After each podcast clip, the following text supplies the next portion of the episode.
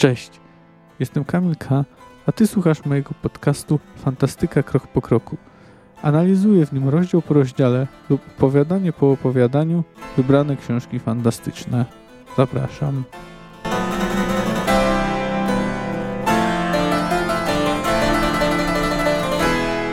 Na początku chciałbym uprzedzić, że w tym podcaście pojawi się tematyka gwałtu, więc jeśli kogoś to razi, to sugeruję, żeby jednak nie słuchał.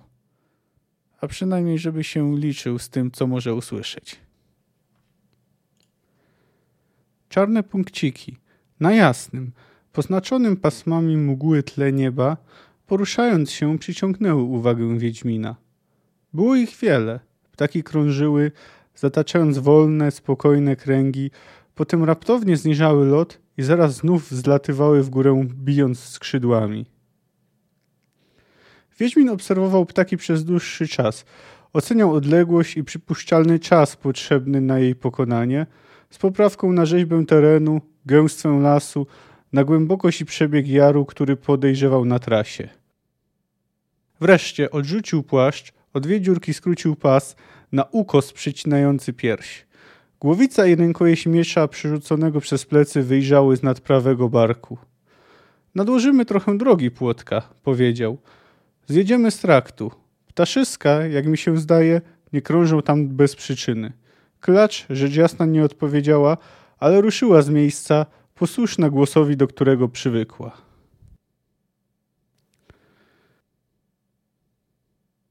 Cześć. Kontynuujemy swoją przygodę z ostatnim życzeniem. Dzisiaj zajmiemy się tym, co Sapkowski zrobił z chyba jedną z najbardziej znanych opowieści na świecie.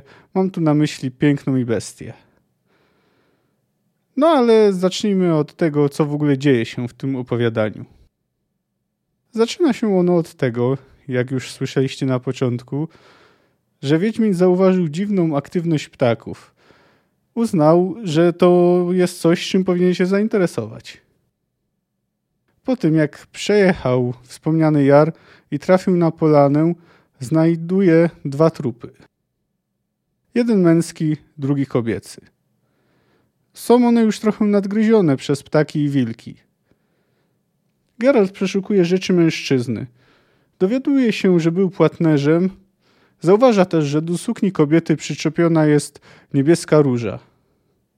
Geralt nigdy takiej nie widział. Zauważa też na jej karku ślady zębów. Następnie Geralt zaczyna chodzić po polanie i przeprowadza coś na kształt rekonstrukcji zbrodni. Relacjonuje on przebieg wydarzeń swojej klaczy, która, jak już wiemy, ma na imię Płotka. Płatnerz i kobieta jechali przez wrzosowisko poza traktem z jakiegoś powodu. Coś spowodowało, że zlecieli lub spadli ze swoich koni albo z nich zsiedli.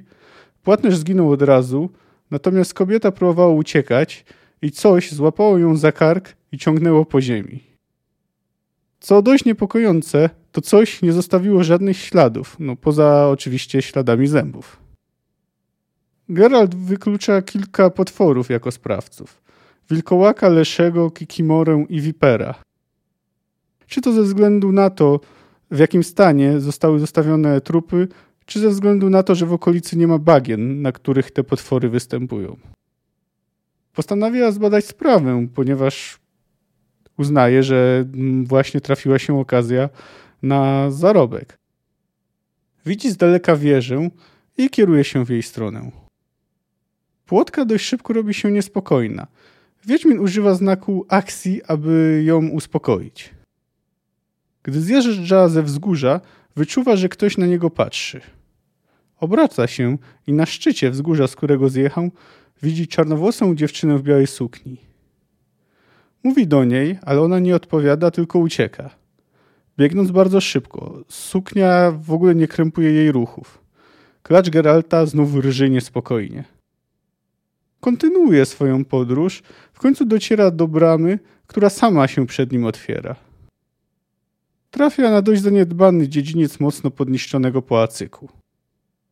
Zauważa fontannę z delfinem na cokole, obok której rosną niebieskie róże. No, tu jest to określone, że są w kolorze indyga, no ale wiadomo o co chodzi. Nie trudno się domyślić, że ludzie, których trupy znalazł, byli w tym miejscu. Wtedy na dziedzińcu pojawia się potwór. Wiedźmin wyciąga miecz.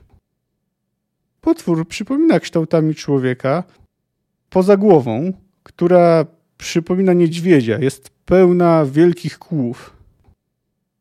Potwór rusza na Wiedźmina, ale zatrzymuje się na widok miecza i ryczy w ludzkim języku, mówiąc Geraltowi, żeby się oddalił. Ten jednak się nie rusza.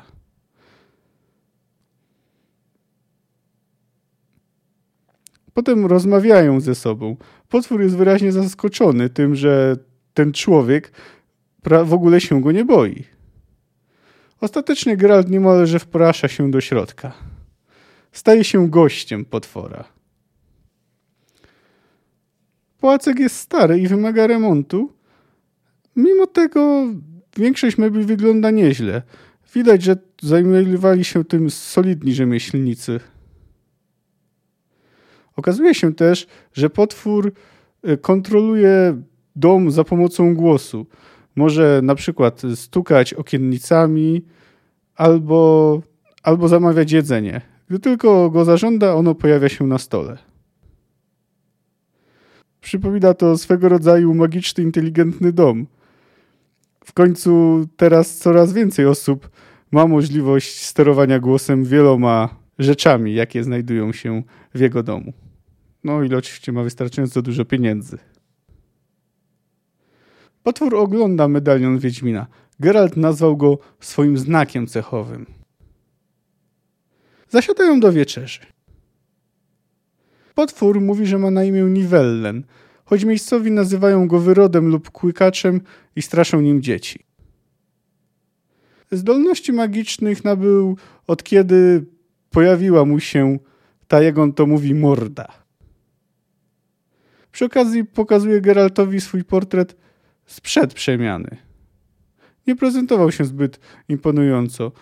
Był raczej gruby i nijaki. No a trzeba brać poprawkę na to, że portreciści często starali się schlebiać swoim klientom. Niewelen pokazuje swoją inteligencję.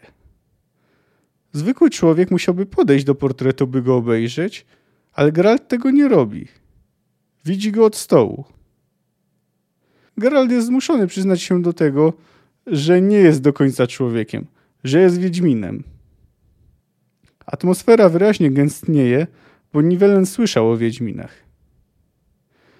Wie, że zajmują się oni polowaniem na potwory na zlecenie. Poza tym słyszał też, że porywają dzieci, karmiąc je magicznymi ziołami, a te z tych, które przeżyją, są ćwiczone w zabijaniu potworów i eliminuje się z nich jakiekolwiek ludzkie uczucia i odruchy. Geralt stwierdza, że niewiele z tego jest prawdą. Następnie oznajmia Nivellenowi, że nie uważa go za potwora. Ten reaguje na to oświadczenie ironicznym zaskoczeniem. Pyta się na przykład, czy jest w takim razie kluczem dzikich gęsi. Geralt tłumaczy, że nie jest potworem, bo nie tylko był w stanie dotykać srebrnej tacy, ale także mógł wziąć do ręki wiedźmiński medalion. Gdyby był potworem, byłoby to dla niego niemożliwe. Wiedźmin domyśla się, że rzucono na niego urok i uważa, że istnieje duża szansa, że ten urok da się odczynić. Ku jego zaskoczeniu, Niwelen oświadcza, że nie chce być odczarowany. Zaczyna opowiadać Wiedźminowi swoją historię. Zarówno jego ojciec, jak i jego dziadek byli rozbójnikami. Napadali kupców podróżujących po okolicy, terroryzowali pobliskie wsie. Jednak pewnego dnia sprawiedliwość spotkała jego rodzica. Zginął. Jego dziadek był już wtedy niezdolny do rozboju, czy w ogóle do dowodzenia i podejmowania decyzji, więc to na Nivellena spadło dowodzenie bandą. Przynajmniej w teorii. De facto był bardzo młody i jego towarzysze z łatwością nim kierowali. W końcu zapuścili się do jakiejś świątyni. Tam jego towarzysze skłonili go do zgwałcenia kapłanki. Ta rzuciła na niego klątwę, napluła mu w twarz i popełniła samobójstwo. Po paru dniach klątwa zaczęła działać. Nivellen stał się potworem. W szale, spowodowanym prawdopodobnie szokiem, jaki wywołała jego przemiana, zamordował kilka osób. Reszta uciekła. W końcu w pałacyku został sam. Bardzo długo go nie opuszczał, po prostu przeganiając ludzi, którzy się zabłąkali w okolicy. Pewnego dnia jednak zauważył człowieka, który ścina różę. Przy okazji dowiadujemy się, że te róże to błękitne róże z Nazairu, które były kiedyś kupione przez ciotkę Nivellena. Zostały sprowadzone z bardzo daleka i w związku z tym niemało kosztowały. Potwór się zezłościł. Wyskoczył. Przerażony kupiec, bo ten człowiek był kupcem, powiedział, że chciał tylko ściąć trochę róż jako prezent dla swojej córeczki. Wtedy Nivellenowi przyszła do głowy pewna myśl. Słyszał opowieści o tym, że często dziewice mogą pomóc y, odczarować uroki. Postanawia więc zażądać córki. Niestety okazało się, że ma 8 lat. Ostatecznie odsyła kupca, dając mu przy tym sporo złota, którego zostało w skarbcu. No, zgromadzili je dziadek i ojciec Nivellena. Po jakimś czasie przybył do pałacyku inny kupiec. Ten miał już córkę ze sobą i to na dodatek dorosłą. Umówili się na to, że dziewczyna zostanie z Nivellenem przez rok. Liczył na to, że noc z dziewicą sprawi, że klątwa zostanie zdjęta, że odzyska ludzką postać. Jednak był nieśmiały, nie mógł się przełamać, żeby powiedzieć dziewczynie, czego chce. Ona sama początkowo była po prostu przerażona, ale gdy przekonała się, że jednak nie zostanie zjedzona, zaczęła z nim rozmawiać. No ale do niczego nie doszło. Opuściła go po roku, a, a jej ojciec znacznie się wzbogacił. Z kolejną dziewczyną jednak już skończył w łóżku, ale ku jego rozczarowaniu nie zmienił się z powrotem w człowieka. Fenne, bo tak miała na imię, była jednak rozrywkowa, więc przeżył z nią przyjemny rok. Dość podobnie było z kolejnymi dziewczynami. Nivellen wyjaśnia w końcu Geraltowi, dlaczego już nie chce zostać odczarowany. Dzięki swojemu groźnemu wyglądowi nabrał odwagi, a na dodatek ta jego nietypowość ułatwia mu paradoksalnie y, kontakty z kobietami. A poza tym zapewnia mu to też bezpieczeństwo. Nikt nie odważy się zaatakować strasznego potwora pożerającego ludzi. Wiedźmin próbuje wypytywać Nivellena o dziewczynę, którą wcześniej widział. Na początku niewiele nie chce o niej rozmawiać. Gdy Wiedźmin już zbiera się do pożegnania, Niewelen pyta się Geralta o co innego.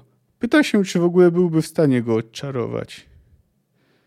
Wiedźmin wyjawia mu, że świątynia, do której trafili, reprezentowała kult Koram Aktera, lwiogłowego pająka. To bardzo niedobry kult. Zdjęcie klątwy rzuconej przez kapłankę wyznającą tego Boga jest poza zakresem możliwości Wiedźmina. Przy okazji Nivellen wyjawia Geraltowi, że cierpi na koszmary. Ten dość jasno go informuje, że z czasem będą się one stawały coraz gorsze. Gdy już mają się żegnać, Nivellen zdradza jednak trochę o swojej aktualnej towarzyszce. Ma ona na imię Verina i nie jest człowiekiem. Wiedźmin ocenia, że najprawdopodobniej jest rusałką. Nivellen mówi, że się kochają, że Verina lubi ptaki i że na całe dni znika w lesie. Nivellen domyśla się też, dlaczego Geralt trafił do niego. Że musiało coś złego spotkać kupca z córką, którzy tu byli ostatnio. On informuje Geraltowi, że oni się tu tylko pokręcili, zerwali różę i sobie poszli.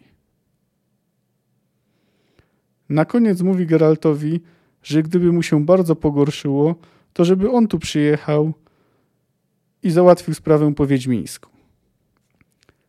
Geralt mówi mu, że spróbuje znaleźć kogoś, kto może będzie w stanie poradzić sobie z klątwą. Po opuszczeniu pałacyku Geralt spędza noc na wzgórzu. Jest to średnio przyjemne, bo okolica, tak jak zresztą uprzedzał go Nivellen, jest niezbyt byt przyjazna. Słychać potępieńcze wycie i krzyki torturowanej kobiety.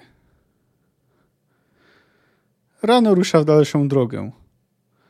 Gdy płotka po raz kolejny staje się niespokojna, jego pierwszym odruchem jest y, uspokojenie jej.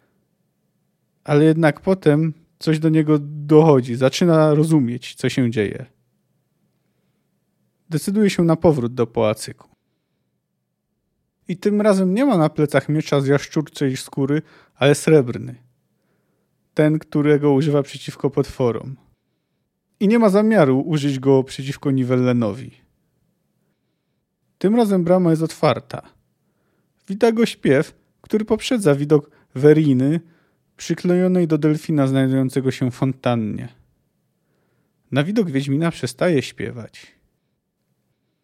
Geralt po raz kolejny przeprowadza rekonstrukcję wydarzeń. Wie już, że Verina nie jest rusałką. Jest wampirem. To ona zsyłała Nivellenowi koszmary, chcąc przejąć nad nim kontrolę. Miał jej służyć jako tarcza i obrona. Przy okazji wprowadziła też y, Geralta w błąd, ponieważ w pierwszej chwili nie zorientował się, że ma do czynienia z potworem. Welina śpiewała. Oznacza to, że piła krew. Geralt domyśla się, że nie zdołała zniewolić umysłu Nivellena, zatem sięgnęła po bardziej bezpośrednie środki. Następnie pyta się jej kim lub czym jest, wymieniając różne gatunki wampirów. Verina nie jest ani Alpem, ani Mulą. Jest Bruksą. Walka jest nieunikniona. Wampirzyca atakuje jako pierwsza. Używa fali dźwiękowej. Gerald ratuje się znakiem heliotropu, który rzuca się krzyżując przeguby obu rąk, ale i tak udaje mu się tylko nieco złagodzić siłę ataku. Mocno uderza w mur. Verina zamienia się w wielkiego nietoperza. Geralt broni się przed nią innym znakiem Quen. Nietoperz jest bardzo szybki i zwinny. Wiedźmin nie może go trafić. W końcu zostaje ranny w policzek. Verina przemienia się z powrotem i po raz kolejny atakuje Geralta głosem. Przełamuje jego znak. Znów zmienia się w nietoperza, ale tym razem Wiedźminowi udaje się ją trafić. Wilina wraca do fontanny i przybiera dziewczęcą postać. Rana nie jest jednak głęboka. Zaczynają ze sobą rozmawiać, o ile można to tak określić. To jest raczej wymiana komunikatów. Grożą sobie wzajemnie. Brooksa nie mówi ludzkim językiem, ale najwyraźniej go rozumie, a sama w jakiś telepatyczny sposób przekazuje krótkie, jak to powiedziałem, komunikaty wprost do umysłu Geralta. Na scenie pojawia się Nivellen. Idzie niepewnie, chwiejnie. Jego strój jest zakrwawiony. Wzywa we Werinę. Bruxa zwraca się ku niemu. Wiedźmin próbuje wykorzystać okazję, ale jest zbyt szybka. Zwala go z nóg. Nivellena który próbował ją pochwycić też. Geralt szybko znajduje się znów na nogach. Chce odciągnąć y, uwagę Bruksy od Nivellena. Verina atakuje, ale już w swojej zwykłej postaci, to znaczy w postaci dziewczęcej. Jest zmęczona, być może nie ma już sił na przemianę, ale wciąż jest śmiertelnie niebezpieczna. Jest w stanie krzyczeć w pełnym biegu, po raz kolejny przewraca Wiedźmina.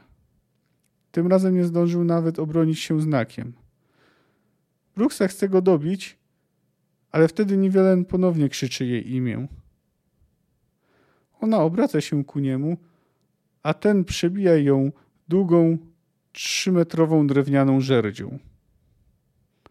Ale to jeszcze nie koniec.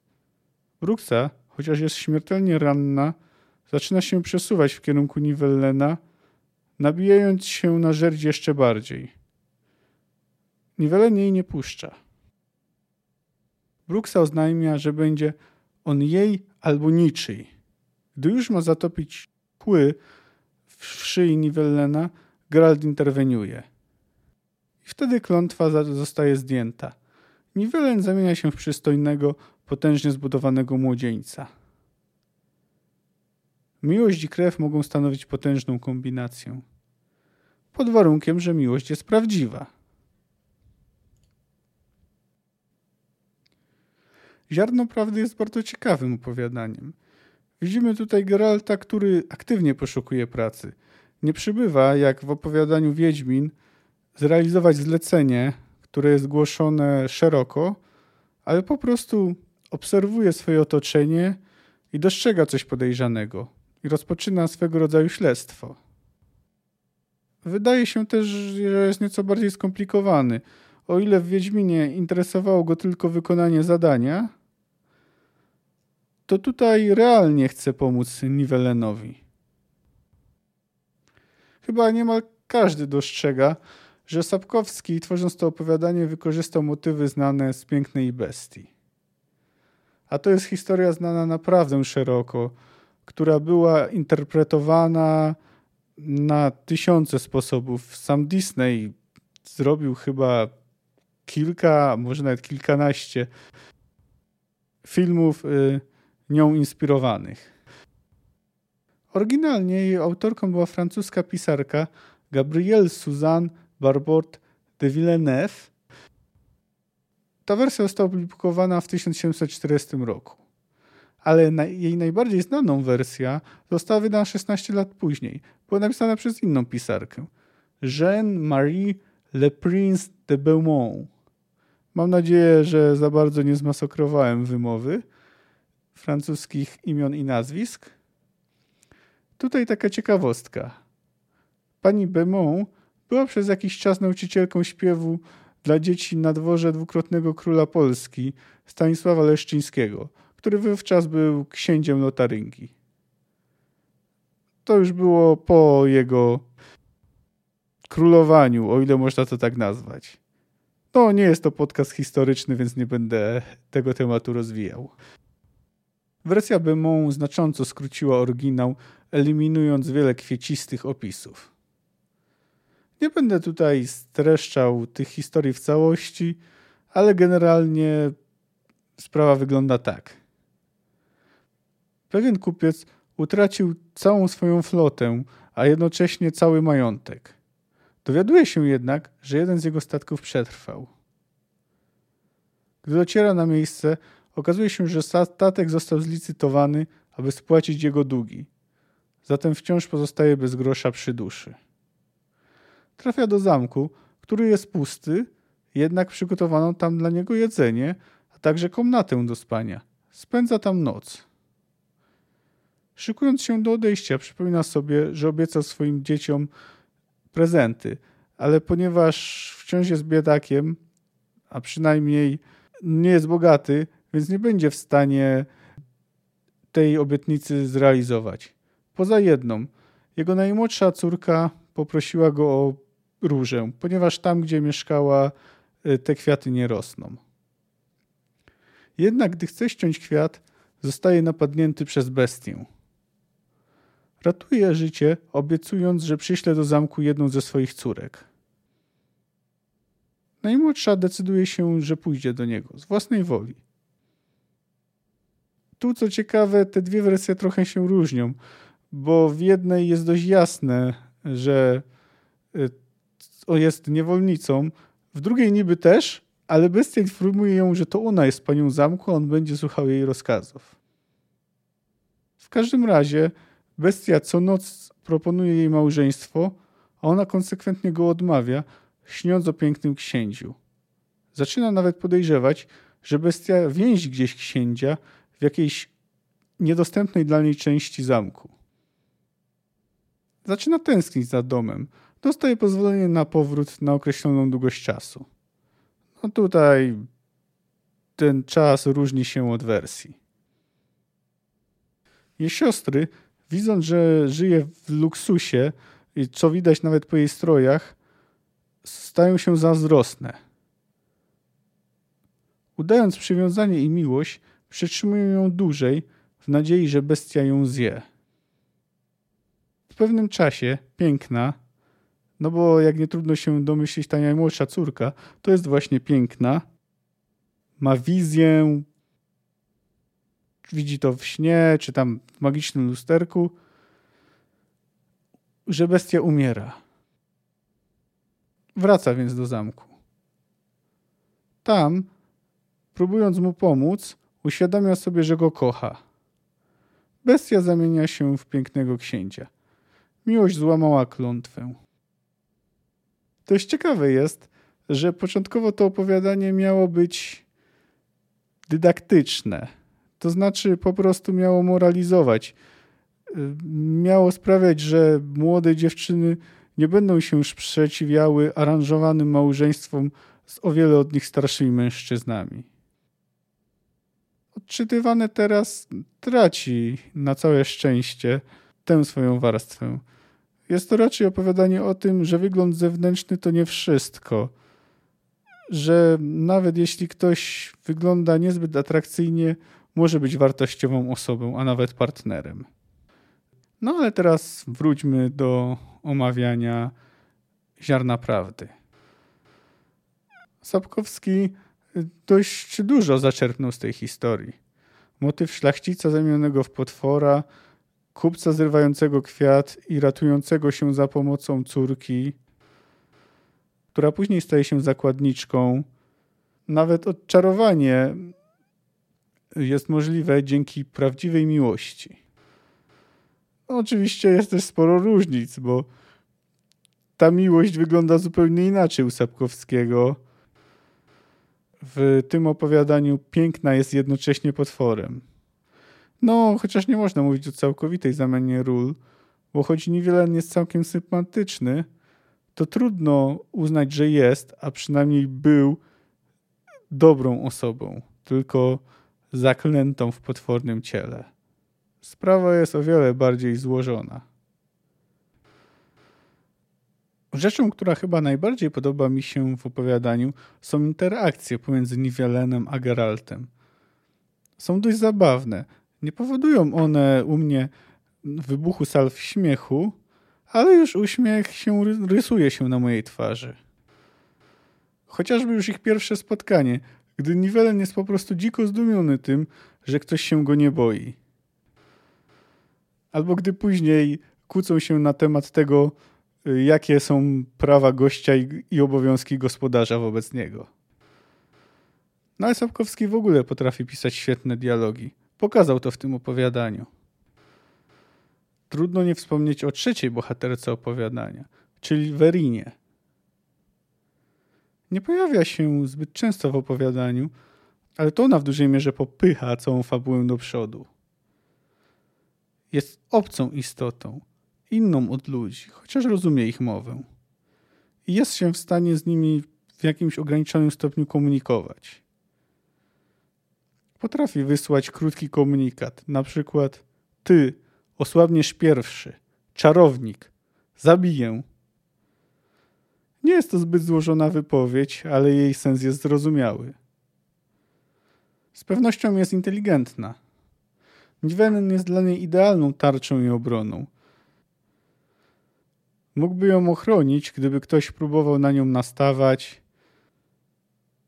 No ale, żeby stał się dla niej idealnym obrońcą, musiała go do końca opanować, a to jej się nie udało.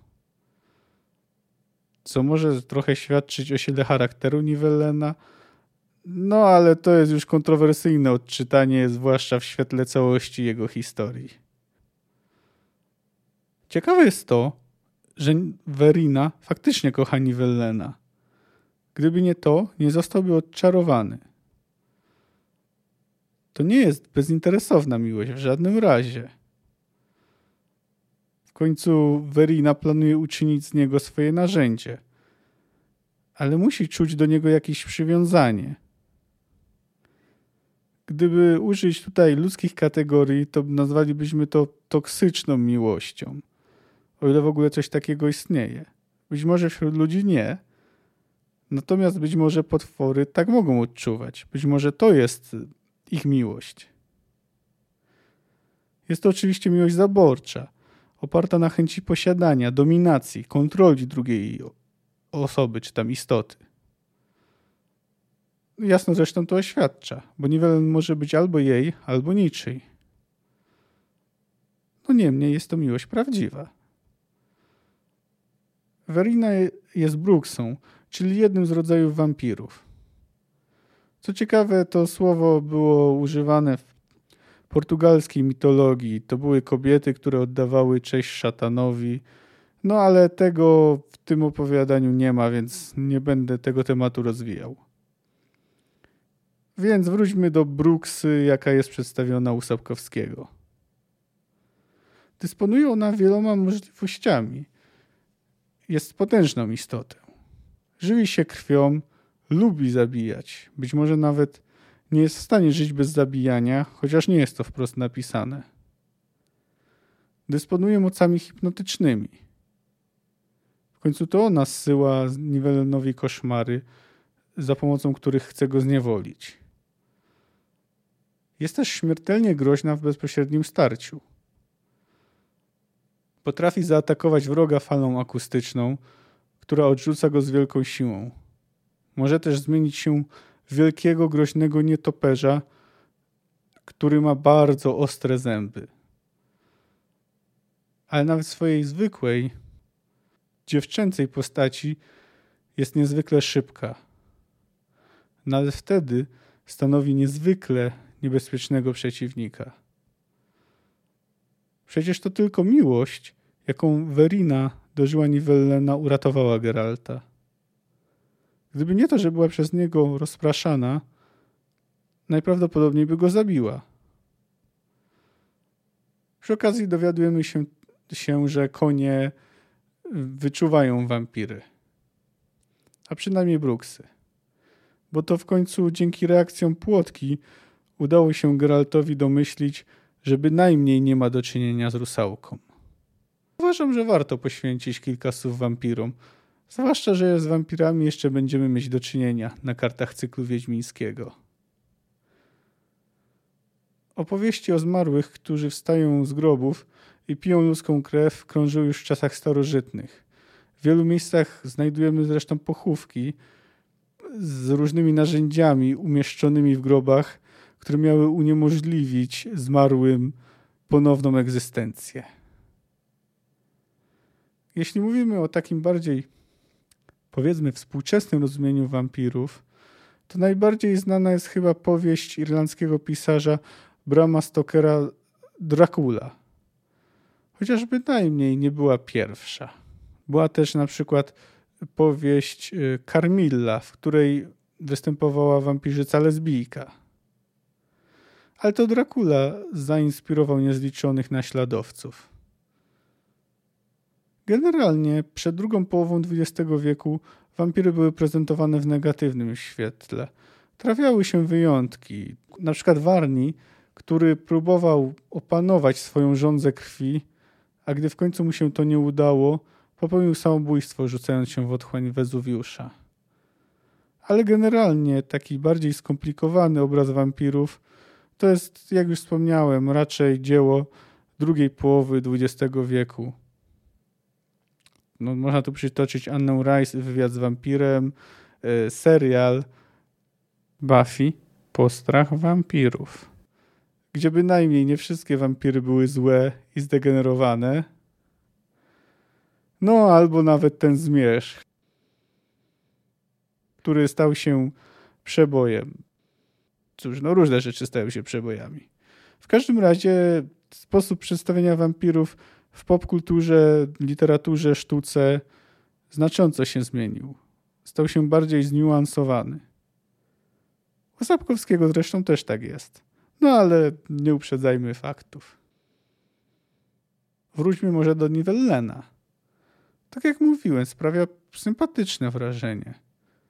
Jest inteligentnym rozmówcą i nie wydaje się, żeby krzywdził dziewczyny, jakie do niego jakie stręczyli mu ojcowie. Chyba ma rację, mówiąc, że u niego mieli prawdopodobnie lepiej niż tam, skąd przychodziły. No chociaż nie da się ukryć, że nie trafiają do niego z własnej woli. Trudno też nie czuć do niego trochę współczucia.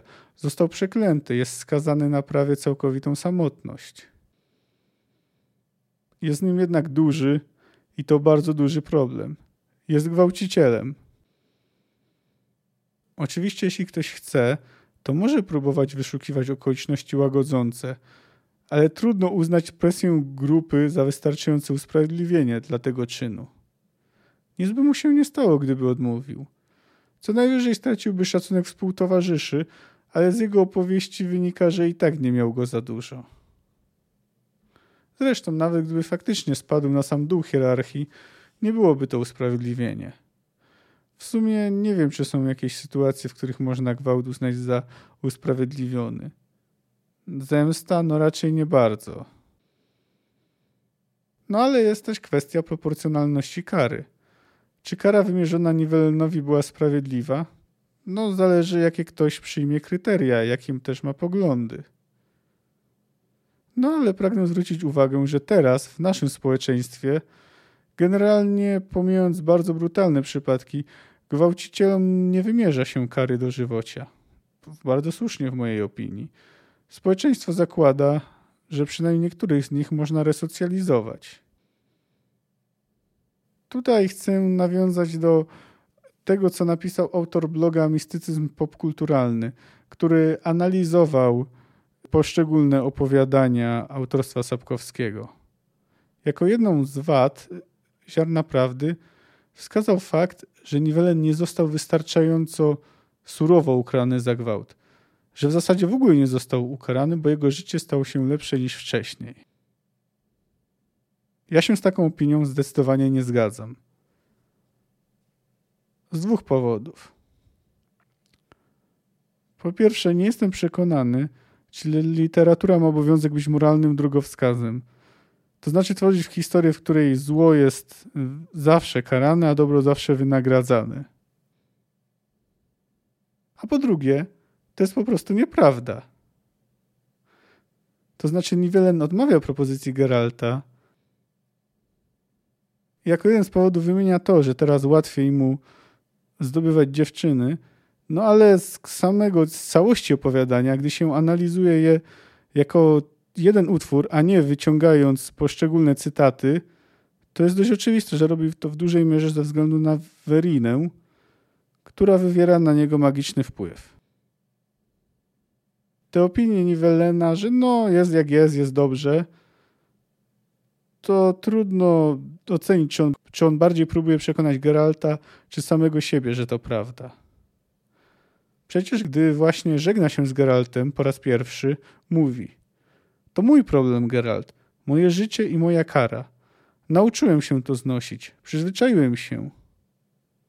Raczej nie wygląda to na coś, co jest niebem, co jest wspaniałym życiem, które by nie zamienił na nic innego. Stwierdzenie autora bloga, że życie Nivellena zmieniło się pod każdym względem na lepsze, uważam za kuriozalne. Gdyby tak było, nie musiałby go znosić, bo po prostu czerpałby z niego przyjemność.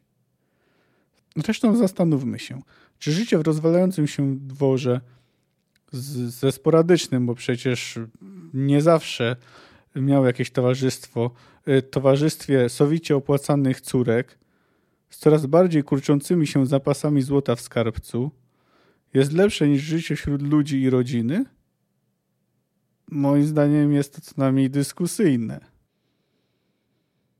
Inną sprawą i może bardziej nadającą się do dyskusji jest to, czy w ogóle motyw gwałtu musiał się pojawić w tym opowiadaniu. Czy był on po prostu potrzebny? Przecież Nivellen równie dobrze mógł popełnić na przykład zabójstwo i w wyniku tego zostać przeklęty. To znaczy, czy to, że to był akurat gwałt, sprawia, że to opowiadanie jest lepsze. Nie jestem co do tego przekonany, bo ten temat został w zasadzie wspomniany. Być może nie było konieczności wprowadzenia akurat gwałtu. No ale jeszcze powiem o tym kilka słów na sam koniec. Ale teraz jeszcze bym chciał poświęcić kilka słów Geraltowi. Tym razem, jak już mówiłem, aktywnie poszukuje pracy. Ale pomaga Nivellenowi nie tylko z chęci zarobku. Chociaż pewnie mógł liczyć na to, że ten go sowicie wynagrodzi. W końcu obiecuje mu, że poszuka kogoś, kto będzie mu w stanie pomóc. Za to niekoniecznie musiał otrzymać pieniędzy. Widać też, że już teraz jest już doświadczony i dużo wie. Dlatego już po paru słowach orientuje się, że Nivellen z towarzyszami trafili do chramu kultu lwiogłowego pająka. Potrafi też bardzo sprawnie zrekonstruować przebieg wydarzeń. Przedstawić to, jak zginęli kupiec i jego córka. Podjął też duże ryzyko walcząc z Brooksą, które niekoniecznie musiało mu się opłacić. Chyba nie do końca był do niej przygotowany, bo przecież miał dużo szczęścia, że uszedł z życiem. Jak się wydaje, trochę potwora nie docenił. Co by mogło wskazywać, że wcale nie jest tak doświadczony, jak się może wydawać. Ale trzeba też pamiętać, że Brooksa świetnie się maskowała. Więc może po prostu nie było szans, żeby był w pełni przygotowany na to, z czym przyjdzie mu się zmierzyć. Jest w tym opowiadaniu też trochę magii. Potwora już omówiłem, no ale poznajemy też trzy nowe znaki wiedźmińskie. Całkiem sporo. Za pomocą znaku akcji Geralt uspokaja płotkę. Więc można uznać, że to jest jakieś zaklęcie, które pozwala kontrolować umysły. Przynajmniej do pewnego stopnia. Prawdopodobnie to właśnie jego użył Geralt w opowiadaniu Wiedźmin, gdy zmusił strażników, którzy zamierzali go aresztować, aby go po prostu zaprowadzili do Welerada. Używa on też dwóch znaków defensywnych Quen i heliotropu.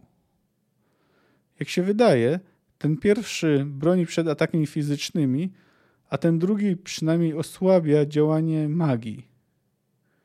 Geralt używa go do obrony przed atakami falą dźwiękową, jakie przypuszcza na niego Verina. Jak więc widać, Wiedźminy mają dość szeroki arsenał magii na podorędziu. O kulcie lwiogłowego pająka dowiadujemy się raczej niewiele. Jest to niedobry kult, gdzie w świątyniach pali się zielony ogień, a na ołtarzu leżą kości i czaszki. To w zasadzie tyle, bo on już nie jest później wspomniany na kartach cyklu. Natomiast nawiązania do tego kultu pojawiają się w pierwszej części gry Wiedźmin. Możemy w paru miejscach spotkać wyznawców tego kultu, a wiedźma Abigail, jeśli wydamy ją Młotłochowi, który chce ją zabić, poduszczony przez religijnego fanatyka, to przeklina ich właśnie w imię wiogłowego pająka. Swoją drogą to jest jedno z ciekawszych zadań z całej serii. Chociaż może trochę szkoda, że gra wydaje się dość wyraźnie sugerować, który wybór był poprawny. No ale skoro już omówiłem grę, to warto wspomnieć o serialu. Polscy scenarzyści nie zdecydowali się na próbę adaptacji tego opowiadania. Może to zresztą i lepiej. Natomiast muszę przyznać, że twórcom Netflixa wyszła ona zaskakująco dobrze. Może dlatego, że chociaż prowadzili spore zmiany, to jednak starali się w miarę trzymać jego treści. W mojej opinii to jest w ogóle najlepszy odcinek tego serialu, obydwu jego sezonów. Nie wszystko mi się w nim podoba. Na przykład to, że Nivellen wiedział o morderstwach popełnionych przez Vierinę. Nie jestem też przekonany do zmiany dynamiki relacji pomiędzy Geraltem i Nivellenem, bo w serialu są przyjaciółmi. No to siłą rzeczy musi trochę zmienić sposób, w jaki się do siebie odnoszą. Najważniejszą zmianą jest jednak to, że o ile o gwałcie w opowiadaniu czytelnik, a także Wiedźmin dowiadują się dość szybko, bo Nivellen mówi o nim otwarcie. To w serialu to wszystko pada dopiero na końcu. Nivellen wyznaje to dopiero odczarowany. Wiedźmin okazuje mu otwartą pogardę. To myślam się, dlaczego to zrobiono. Chodzi o to, żeby jednoznacznie podkreślić, że gwałt jest zły. I może przedstawienie wiernie z opowiadaniem wyglądałoby na relatywizowanie, a przynajmniej bagatelizowanie tego zagadnienia. Niekoniecznie mi się to podoba, ale jestem w stanie to zaakceptować. Z innych rzeczy, które mogą czytelników irytować, obecność Siri mi nie przeszkadza. Jest tam w jakiś sposób uzasadniona.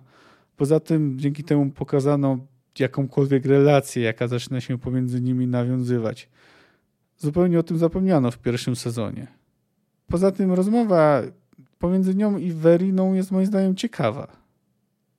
Bardzo podoba mi się to, jak wygląda Nivellen. Bardzo przekonująco. To samo mogę powiedzieć o Verinie. Scenariusz jest sensowny, dość dobrze napisany. Generalnie nie dostrzegłem specjalnych głupot.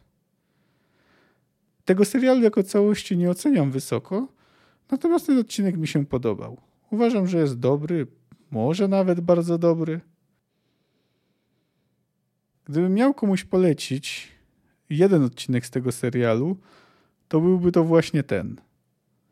Trudno mi byłoby wskazać drugi, który mógłbym uznać za warty obejrzenia, albo za zdecydowanie warty obejrzenia. Powoli zbliżam się do końca. Oceniam to opowiadanie bardzo wysoko. Podoba mi się, jak Sapkowski wykorzystał piękną i bestię jako bazę do opowiedzenia własnej historii. Podoba mi się rozmowa pomiędzy Geraltem i Nivellenem, dramatyczna scena walki z Brooksą i takie trochę baśniowe zakończenie. Że miłość, nawet jeśli jest to miłość trochę skrzywiona, jednak prawdziwa, ma swoją moc i potrafi zdjąć klątwę.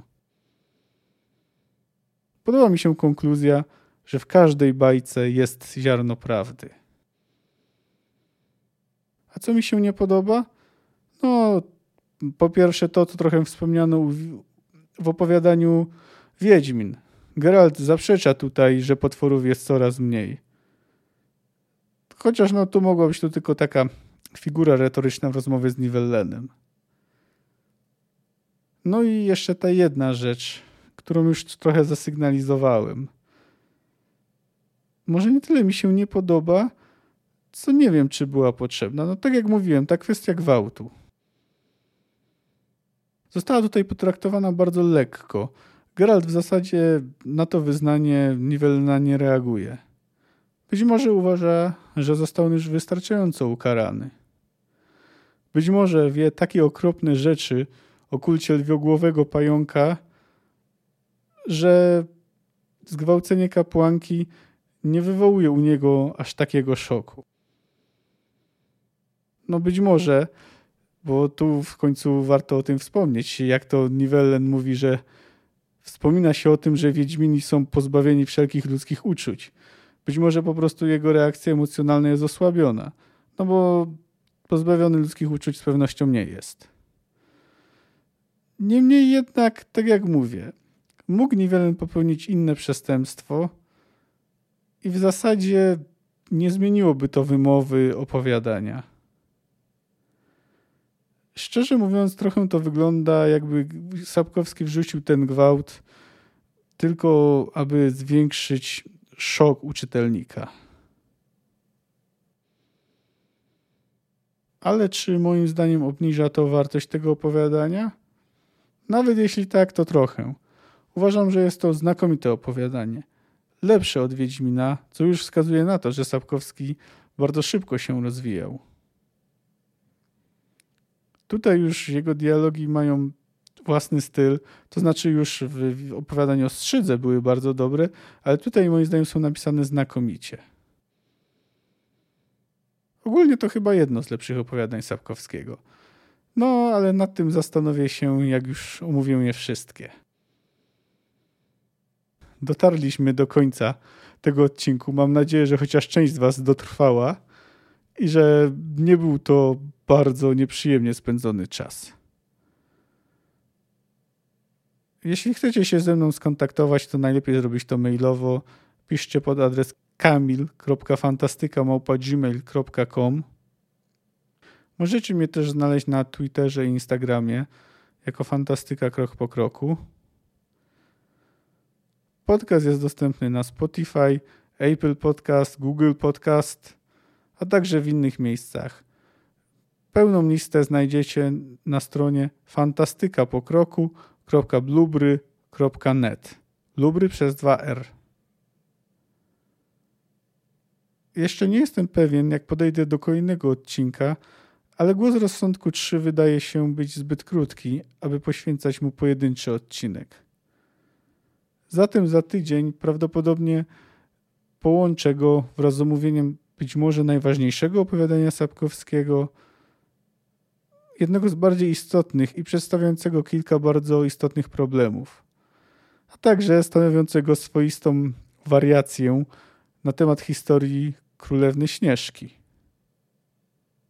Do usłyszenia. Cześć.